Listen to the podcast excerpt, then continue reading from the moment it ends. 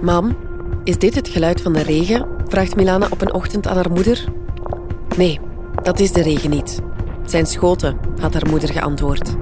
Milana schudde haar hoofd. Laat ons dan denken dat het regen is. U hoorde het verhaal van Milana, een Oekraïns meisje van negen dat woont in Orlivske, nabij de Russische grens. Onze collega Corrie Hanke is net terug uit dat grensgebied, oorlogsgebied. Of is het een gebied dat wacht op oorlog? Het is woensdag 16 februari. Ik ben Alexander Lippenveld en dit is vandaag de dagelijkse podcast van de Standaard.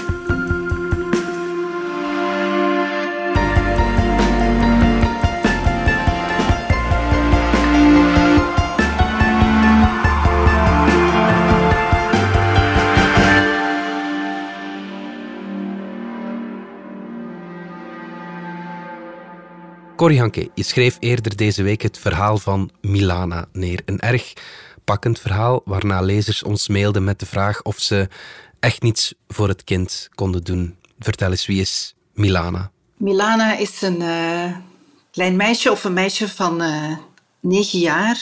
Hm? Uh, een beetje bleekjes met lange rode haren en een beetje schuchter. Hm? En die woont dus op het grensgebied tussen wat uh, klassiek Oekraïne is, zal ik maar zeggen, en het gebied dat sinds 2014 door pro-Russische separatisten um, is ingepalmd. Mm -hmm. En er zijn wel um, wapenstilstanden tussen die uh, twee strijdende partijen, maar die worden constant geschonden. Mm -hmm. En dus in het dorpje waar uh, Milana woont, um, vertelde men mij dat er s ochtends en s avonds altijd geschoten wordt. Mhm. En bijvoorbeeld de weg die zij naar school moet afleggen, dat doet zij met, met een busje van uh, een, een, hulporganisatie. Daar wordt geregeld geschoten. Mhm. Dus het is, uh, om het heel dramatisch te zeggen, um, het is bijna een Russische roulette hè, als je s ochtends naar school gaat. Omdat je gewoon nooit weet of scherpschutters klaarleggen om, om uh, weer op die weg te schieten. Milana heeft op school geleerd wat ze moet doen. Weg van de ramen, handen over het hoofd en gaan liggen. Ja, knikt ze. Ik heb al meegemaakt dat ze in de buurt begonnen te schieten. Mama zei toen dat het tijd was om een kopje thee te drinken. Over die keer dat een kleine bom niet zo ver van haar ontplofte, zwijgt ze. Haar moeder had tevoren verteld dat Milana toen naar huis was gekomen, de televisie had aangezet en was beginnen gillen. Op een keer schreeuwde moeder dat er een aanval zou komen. Ik ben naar de badkamer gevlucht. Daar heb ik een uur gezeten. Alleen, met mijn katje in mijn armen. Is ook zo, toen wij op die weg reden, zei onze chauffeur ook, ik ga nu pijlsnel rijden, ja. Um, want anders um, lopen we misschien risico. Ja. Dus Milana die woont in een gebied dat je kunt zeggen dat aan de frontlijn ligt, maar dat is dus niet de traditionele frontlijn die nu de laatste weken altijd um, in, in het nieuws is. Maar ja, het is eigenlijk ook wel een, een, een grenslijn tussen pro-Russische gebieden, dus Rusland, laat ons maar zeggen, ja. en, en Oekraïne. Dus in die zin um, is het typerend voor de toestand daar. Maar ik vond het heel belangrijk om haar verhaal te vertellen, omdat het idee dat mensen al acht jaar in die uh, situatie leven, dat vergeten heel veel mensen hier of dat weten heel veel mensen niet. Ik praat uren aan de telefoon met Olga, mijn beste vriendin, of ik speel spelletjes op een telefoon. Er is hier niemand om mee buiten te spelen. Ik ga ook niet naar buiten omdat ik de geweren en de bommen niet wil horen. En dus Milana heeft nooit anders gekend dan hm. oorlog. Ja. Mhm. En dus ze praat er niet graag over, maar je hoort van haar moeder en van uh, de medewerkster van Artsen zonder Grenzen die uh, de moeder begeleidt, want de moeder heeft psychologische problemen. Ja. Um, dat uh, alle kinderen in het dorp, de weinigen die er nog zijn, want de meeste zijn weggetrokken, de kinderen die er nog zijn, die op een of andere manier is die oorlog wel, wel er, die, die, is, binnengekomen bij hen. Dat beukt in die hun leven in. Ze vertelde mij van een leraar die laat uh, een, een, plateau een, uh, met, met per ongeluk glazen vallen. En dan al die kinderen die duiken dan op de grond en die beschermen hun hoofd. Ja, uit angst. angst ja. ja. ja. Je bent rondgetrokken in dat gebied. Wonen daar nog veel mensen vandaag? Die dorpen zijn uh, verlaten. Dat zijn spookdorpen, zou ik het niet noemen, want er wonen nog oude en arme mensen. Mhm. Maar iedereen die kon, die heeft zijn biezen gepakt. Omdat uh, ja, dit, dit geen omgeving voor kinderen is. Dus iedereen die kinderen heeft, is weg. Mhm. Uh, en iedereen die geld heeft, is ook weg. Dus ja. degenen die achtergebleven zijn, dat zijn oude mensen die niet meer door de staat geholpen worden. Enfin, die krijgen wel een pensioentje. Maar de dokters zijn weg. Het ziekenhuis dat in Donetsk, de stad, de dichtstbijzijnde stad is, daar kunnen ze niet naartoe, want dat is dat gebied van de separatisten. Mm -hmm. dus uh, die leven volledig geïsoleerd. En in het dorp waar ik was, uh, dat was geen lopend wa geen, geen water. Dus die mensen moesten uh, in de vrieskou naar de waterput gaan. Het was geen gas, dus ik heb toen met een oud dametje gepraat en die kookte op hout dat ze ging sprokkelen. Ja. Eén keer per dag komt daar een, uh, een gammele bus aan die uh, mensen naar, naar Mariupol of zo brengt. Mhm. Maar dat is ook verschrikkelijk duur voor die mensen. Die kunnen dat eigenlijk niet betalen. Dus degenen die daar nog zitten en die het geluk hebben dat ze familie hebben in de steden die hen onderhouden, die, uh, ja, die zijn daar nog een beetje beter af dan de anderen. Je bent ook in Mariupol geweest de stad die je net vermeldde, een stad aan de zee van Azov, dat stukje zee zeg maar tussen de Krim en ja, het Russische vasteland eigenlijk, ten noorden van de Zwarte Zee. Wat is het belang van die stad? Ja, je zei het eigenlijk al. Hè. Dus, dus Rusland heeft uh, de Krim uh, ingepalmd, heeft dat geannexeerd in 2014 aan de ene kant. En aan de andere kant van Mariupol ligt dus um, de Oekraïners noemen het de bezette gebieden. Ehm, de mensen daar noemen het de Volksrepubliek Donetsk en daarachter uh, de Volksrepubliek Luhansk. Mhm. En die, die sluiten direct bij Rusland aan. Dus Mariupol ligt tussen de Krim aan de ene kant en dan die uh, pro-Russische gebieden aan de andere kant. En dus heel veel analisten denken dat die stad in de tang ligt, um, mochten, mochten de Russen binnenkomen. Want er zijn berichten dat uh, Rusland meer troepen op de Krim aan het zetten is. Ja, en er zijn ook heel veel verhalen dat er uh, vanuit die, hetgeen de Oekraïners de bezette gebieden noemen, Um, dat daar ook uh, privémilities aan het arriveren zijn, die mogelijk dan langs daar een inval zouden doen. Dus als, als langs die kant wordt aangevallen, dus in het oosten van Oekraïne, dan, uh, dan ligt Mariupol er middenin. Ja, maar het is wel een, een grote stad, een klein half miljoen inwoners. En ze zijn daar, als ik je reportage lees, toch vrij onverzettelijk. Hè? Ja, ja, ze zijn daar vrij onverzettelijk. Um, wat mij is opgevallen, dat is dat trauma van 2014. Hm. Dus toen in Kiev, in de hoofdstad, uh, de pro-westerse opstand kwam in Maidan, werd dus in het oosten van Rusland, waren ook opstanden. En Mariupol is een aantal weken bezet geweest door die pro-Russische separatisten, die dan uiteindelijk uh, Donetsk en Luhansk hebben kunnen houden. Um, maar die hebben wel een aantal weken uh, Mariupol in handen gehad en daar is echt meter voor meter gevochten, straat voor straat. Dat mhm. zie je nu nog als je in die stad rondloopt. Mhm. Hoeveel kogelinslagen dat je in de huizen en zo ziet. Mhm. en, en je merkt bij heel veel mensen vanaf dan is er zoiets gekomen. Oh, maar Rusland, dat is niet onze goede buur. Rusland, dat is de vijand. En um, met een aantal mensen die ik gepraat heb, die uh, zeggen sinds 2014 houden wij er rekening mee dat Rusland ons opnieuw gaat lastigvallen? Enfin, in zoverre dat Rusland al de hele tijd via die gebieden geregeld de wapenstilstanden schendt. Mhm. Maar ze zeggen, ja, wij leven sinds 2014 in die angst en wij bereiden ons voor dat... Uh, dat, dat Rusland toch gaat binnenvallen. Dus aan de ene kant het Oekraïense leger zit daar massaal aanwezig. Mm uh, ten tweede heb je dan, dat zijn de territoriale defensieteams, noemen die zich. Mhm. Dat zijn vrijwilligers die een contract tekenen dat zij het leger militair gaan bijstaan als Rusland binnenvalt. Mm Zij gaan niet aan het front vechten, maar zij gaan de overheidsgebouwen bewaken. Ja. Zij, gaan, zij leren nu schieten. Hè? Zij hebben elke week uh, drie uur training. Zij leren schieten. Zij leren hoe een gebouw moet bezetten. En dat zijn dus gewoon, dat is, gewoon burgers? Dat zijn burgers. Dat is Jan Modaal. Dat zijn arbeiders, dat zijn zakenmannen, dat zijn leraars, dat zijn verplegers. Dat is Jan Modaal die dat doet. Ook vrouwen. Ja. En dan daarnaast heb je een hele burgerorganisatie die in nauw contact met het leger staat. En ik heb de, de, de chef daarvan gesproken, zal ik maar zeggen. En die wacht gewoon op een telefoontje. Uh, als de Russen binnenvallen, dan worden burgers gemobiliseerd. Ja. En dat betekent dat zij dan kunnen... Zij gaan niet schieten, maar zij zullen misschien met de auto gaan rijden. Uh, ik heb omaatjes gesproken die uh, camouflagenetten maken. Dus zij gaan dat soort hand- en spandiensten dan leveren, burgerlijke diensten. Maar om te zorgen dat, het, uh, dat de verdediging van de stad optimaal is. Nu goed, optimaal als ik eerlijk ben, Corrie, als het Poetin echt menens is en hij zet het machtige Russische leger, wat het toch nog steeds is vandaag, in, ja, dan valt die stad toch.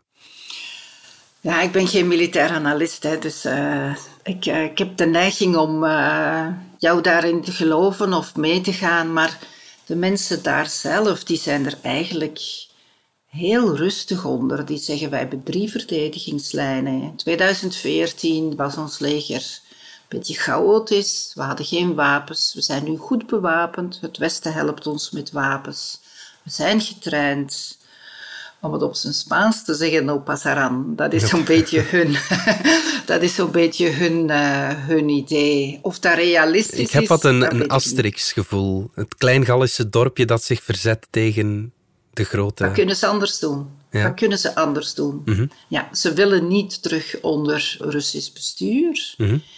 En je merkt ook, ik heb met een aantal mensen gesproken die zich heel pro-westers hebben geout de laatste jaren. Of die in 2014 al met Oekraïnse vlaggen stonden te zwaaien. Mhm. Mm -hmm. En die zijn bang dat mensen die nu toch nog een beetje uh, aan de kant van de Russen staan, dat van het moment dat de Russen inderdaad zouden binnenvallen, dat dan de grote afrekeningen gaan beginnen. Mhm. En dat dus die meer pro-westerse uh, mensen een zware prijs gaan moeten betalen voor het feit dat ze zich uh, hebben ingezet voor een meer democratisch, pro-westers Oekraïne. Dus bij een aantal speelt daar ook gewoon zelfbehoud bij. Of Ja. ze moeten gaan lopen, of ze moeten gaan vluchten. Ja, ja, tuurlijk, ja. Hoe groot is dat pro-Russische kamp in de regio? Zijn er ook mensen die het ja, best oké zouden vinden om, om bij Rusland te horen? Ik denk dat die er nog zijn. Mhm. Maar in ieder geval, de groep is veel kleiner dan in 2014. Dat zegt iedereen mij. Ik heb eh, de laatste verkiezingsresultaten geanalyseerd.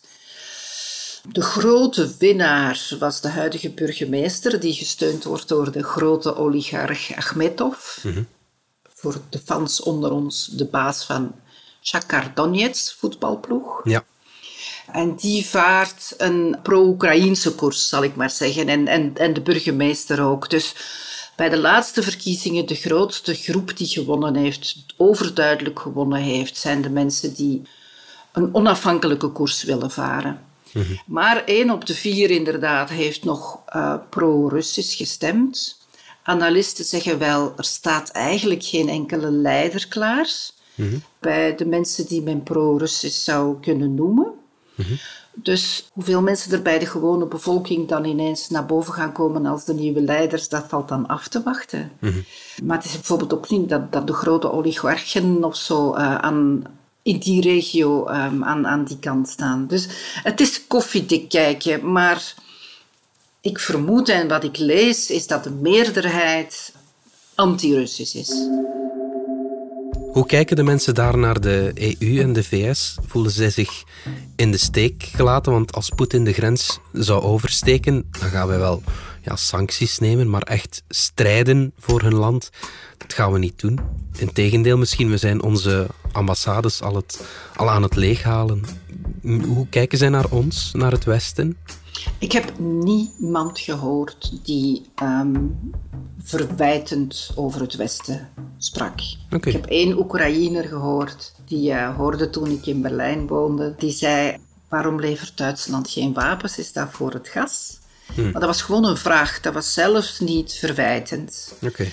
Ik hoor dankbaarheid. Ik hoor enorm veel dankbaarheid voor het feit dat heel veel westerse landen nu wapens leveren aan het Oekraïense leger. -hmm. En opleiding geven doen zij ook. Maar ik heb niemand gehoord die verwacht dat wij daar gaan vechten. Ik heb zo het gevoel dat men wel beseft van ja, we horen niet bij de NAVO. Dus uh, waarom kunnen wij van het Westen verwachten dat zij voor ons gaan vechten? Want er is geen enkel akkoord dat, dat, uh, dat bepaalt dat dat moet.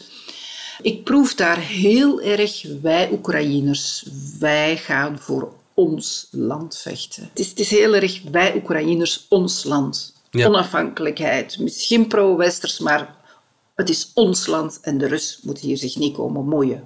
Vooral een eigen koers, onafhankelijk van de grote machtsblokken. Dat weet ik nu niet hoor, dat laatste. Eh, ik kan me voorstellen dat wel veel mensen graag bij de EU of bij de NAVO willen komen. Mhm. Maar of dat, dat de koers zal zijn die de wereld voor Oekraïne voor de komende jaren uitstippelt, mhm. dat durf ik ten zeerste te twijfelen. Ja. Maar wat ik wou zeggen is dat ze vooral heel uh, voor hun eigen land willen opkomen. En, en ze willen dat land dan wel richting Westen duwen. Maar het is niet zo dat ze verwachten dat de NAVO daar morgen staat. En verwachten ze echt een, een Russische inval? Ik werd meestal, als ik dat vroeg, de meeste keren werd ik uitgelachen. Ja. Men vond dat een heel bizarre vraag. Men zei, uh, het, is, uh, het is hier al acht jaar dat we daarmee leven, dus wat is nieuw? Mm En het tweede, en dat heb ik echt van, ook van militairen gehoord, en dat gaat heel raar klinken, maar de laatste twee jaar, volgens de Oekraïner, is er geen opvallende extra troepenopbouw aan de grens geweest. Dus die mhm. troepen waar de Amerikanen en de Britten nu zoveel alarm over slaan, daarvan zeggen militairen, die hebben daar altijd gelegen. Mhm. Dus waarom is men nu ineens zo bang van die dreiging? Dit, dit zijn, um, ze bereiden zich voor, merk ik heel erg, maar ik heb niet het gevoel dat ze denken dat Rusland gaat binnenvallen. Maar langs de andere kant, ja, lappen ze de oude schuilkelders uit de Koude Oorlog wel weer op. Waar plaats is voor, wat is het, 300.000 inwoners. Dus er moet toch wel iets spelen. Ja, ja, natuurlijk. Mensen zijn ook ongerust. Hè? Mhm. ik, ik zei al, ze bereiden zich voor. Mensen zijn inderdaad ongerust, want die man die verantwoordelijk is voor de, de schuilkelders, die zei, we hebben nog nooit zoveel vragen gekregen van waar moeten we naartoe, wat moeten we doen. Maar ik vind als je hier in het Westen dagelijks de berichtgeving leest, dan uh, zou ik, mocht ik daar wonen, zou ik niet slapen. Nee, dat is helemaal niet het geval. Bij, hen is het zo'n beetje, oké, we bereiden ons voor, we weten wat de schuilkelders zijn. Maar ik heb ook mensen gesproken die helemaal niet naar de schuilkelders gaan gaan. Okay, ja, ja. Uh, wait and see is zo'n beetje. Dus ze staan zo'n beetje zo klaar. Maar ik heb niet het gevoel dat... Uh, maar ze weten het niet. Er was één man en die stak zo zijn vingertje naar boven toen ik zoals aan iedereen ook aan hem die vraag stelde. En dat was de man die verantwoordelijk is om alle burgers te mobiliseren. Die zei, er is één man die weet of Rusland gaat aanvallen. En dat is Poetin. En voor de rest weet niemand het, zei hij. Tot slot, Corrie, wat is jouw inschatting? Beloof je plechtig dat je mij hier niet gaat op afrekenen als het, uh, als het scenario anders verloopt. Maar ik heb nog altijd heel veel last met te geloven dat Poetin echt zou binnenvallen. Ik kan dat niet vatten en ik denk, als Poetin rationeel nadenkt en zijn omgeving die hem voedt met informatie rationeel nadenkt, dan doet hij dit niet. Mhm. De bevolking, de Russen willen geen oorlog. Hij kan zich niet permitteren om bodybags naar huis te krijgen. Dus een massale oorlog, dat kan ik mij niet voorstellen. Bovendien, wat voor een reactie, een kettingreactie gaat hij veroorzaken, mocht hij met heel veel geweld Oekraïne binnenvallen. Enfin, dan, ik heb het al gelezen, hè, een, een, nieuwe wereldoorlog staat dan voor de deur. Ik denk niet dat hij zich dat gaat, uh, gaat permitteren. Maar hij heeft er wel alle belang bij om de spanning zo hoog mogelijk te houden natuurlijk. Hè? Ja. Ik, uh, dat, is, dat, is, niet neutraal. Ik vind dat hij het fantastisch doet. Uh, als, als, als waarnemer zo. Hè. Dus mm hij, hij, hij concentreert zoveel troepen aan de grens. Hij blijft zeggen, ik doe alleen maar oefeningen wat ook het geval is. Hij mhm. doet alleen maar oefeningen. En ondertussen is het Westen uh, compleet in paniek. En, en zitten wij ambassades weg te halen, KLM dat zijn vluchten stopt. Um, en hij moet eigenlijk niks doen. Hij blijft gewoon aan de grens zitten. Dus er zijn mensen die zeggen hij is, een, uh, hij is uh, gepokt en gemazeld in, in de judo. En de judo wil zeggen je wacht tot iemand een fout maakt en je slaat toe. Dat zie je ook in zijn politiek beleid, dat hij dat inderdaad doet. Als iemand zwak vak is, dan uh, gebruikt hij die, die mogelijkheid om er alles uit te halen. Mhm. Maar ik vind wat hij nu doet, ik vind hem een meesterschaker. Mm hij, hij zet alles klaar en aan de onderhandelingstafel zit hij ondertussen ja, in, in, in een zetel. Hè? Allee, mhm. Hij kan ondertussen wel een en ander vragen. Mhm. Obama heeft ooit gezegd... Rusland, wat is Rusland in goudensnaam? Dat is een klein regionaal staatje. Mhm. Obama heeft Rusland ongelooflijk vernederd. En Poetin, behalve een aantal andere dingen, maar Poetin wil dat Rusland terug au serieus genomen wordt. En het feit dat hij nu kan bellen met Biden, hij, is, hij is terug een wereldspeler geworden, gewoon omdat hij zoveel druk uitoefent op de grens. Ja. Dus om die reden denk ik niet dat, uh, dat hij gaat binnenvallen. Ik denk dat de kostprijs gewoon veel te hoog is. Goed. Corianke, dankjewel. Graag gedaan. Dit was vandaag de dagelijkse podcast van de Standaard. Bedankt voor het luisteren. Luister morgen zeker naar Letteren, onze nieuwe podcastreeks. Daarin bespreekt Guinevere Klaes samen met een bekende lezer een van de genomineerden voor de Boon Literatuurprijs. Zeker luisteren. Alle credits van de podcast die je net hoorde vind je op standaard.be-podcast. Reageren kan via podcast.standaard.be. Morgen zijn we opnieuw.